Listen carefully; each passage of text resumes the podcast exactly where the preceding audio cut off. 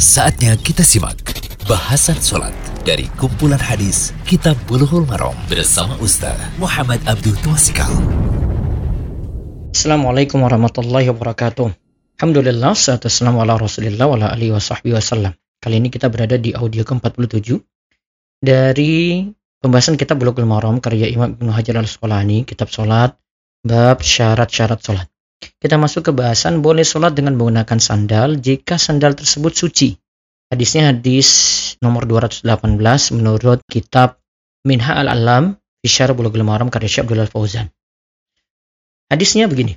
Dari Abu Said Al-Khudri radhiyallahu anhu, qal qala Rasulullah sallallahu alaihi wasallam idza jaa ahadukum al-masjida falyanzur fa in ra'a fina alaihi adha aw qadaran falyamsahhu falyusalli fihima akhrajahu Abu Dawud wa Sahih Ibnu Khuzaimah dari Abu Said Al-Khudri radhiyallahu anhu ia berkata Rasulullah sallallahu alaihi wasallam bersabda apabila salah seorang di antara kamu mendatangi masjid artinya masuk masjid hendaklah ia memperhatikan jika ia melihat kotoran atau najis pada kedua sandalnya hendaklah ia membasuhnya dan sholat dengan mengenakannya. Hendaklah ia membahasnya dan sholat dengan mengenakannya. Hadis riwayat Abu Dawud dan disahihkan oleh Ibnu Khuzaimah.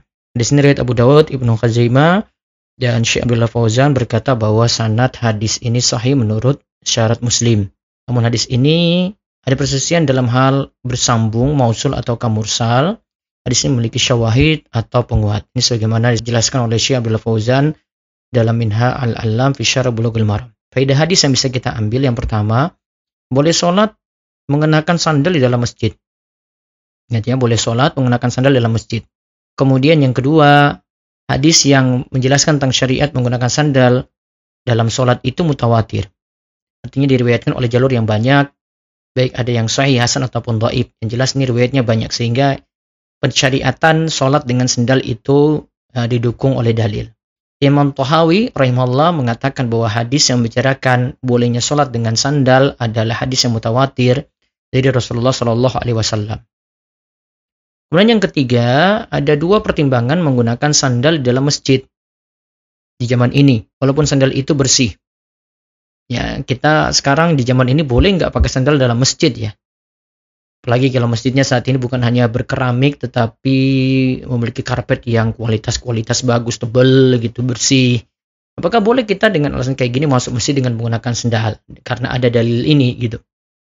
Pertimbangan pertama lihat masjid akan terkotori karena lantai yang berupa karpet akan cepat rusak. Ya kan masjid jadi kotor kalau pakai sendal dalam masjid saat ini. Pertimbangan kedua, banyak jemaah nantinya tidak memperhatikan kebersihan sandal ketika masuk masjid. Nah, berdasarkan pertimbangan inilah, pakai sandal di masjid pada zaman ini tidak disyariatkan. Nanti kita bisa pakai kalau kita berada di luar, misalnya saat safar, kita mungkin pakai sepatu, pakai sandal, kita bisa sholat dengan menggunakan itu.